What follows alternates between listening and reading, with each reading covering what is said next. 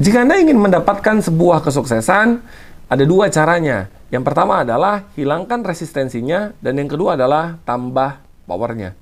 Namun banyak orang di luar sana lebih memilih untuk menambah powernya, menambah energinya, dan menambah kerja kerasnya. Tidak ada yang salah dengan itu, tapi jika Anda memilih cara itu, akan lebih susah untuk Anda mendapatkan kesuksesan Anda. Nah, lebih baik Anda memakai cara yang satunya lagi. Caranya adalah dengan cara menghilangkan resistensi atau hambatan Anda menuju kesuksesan Anda.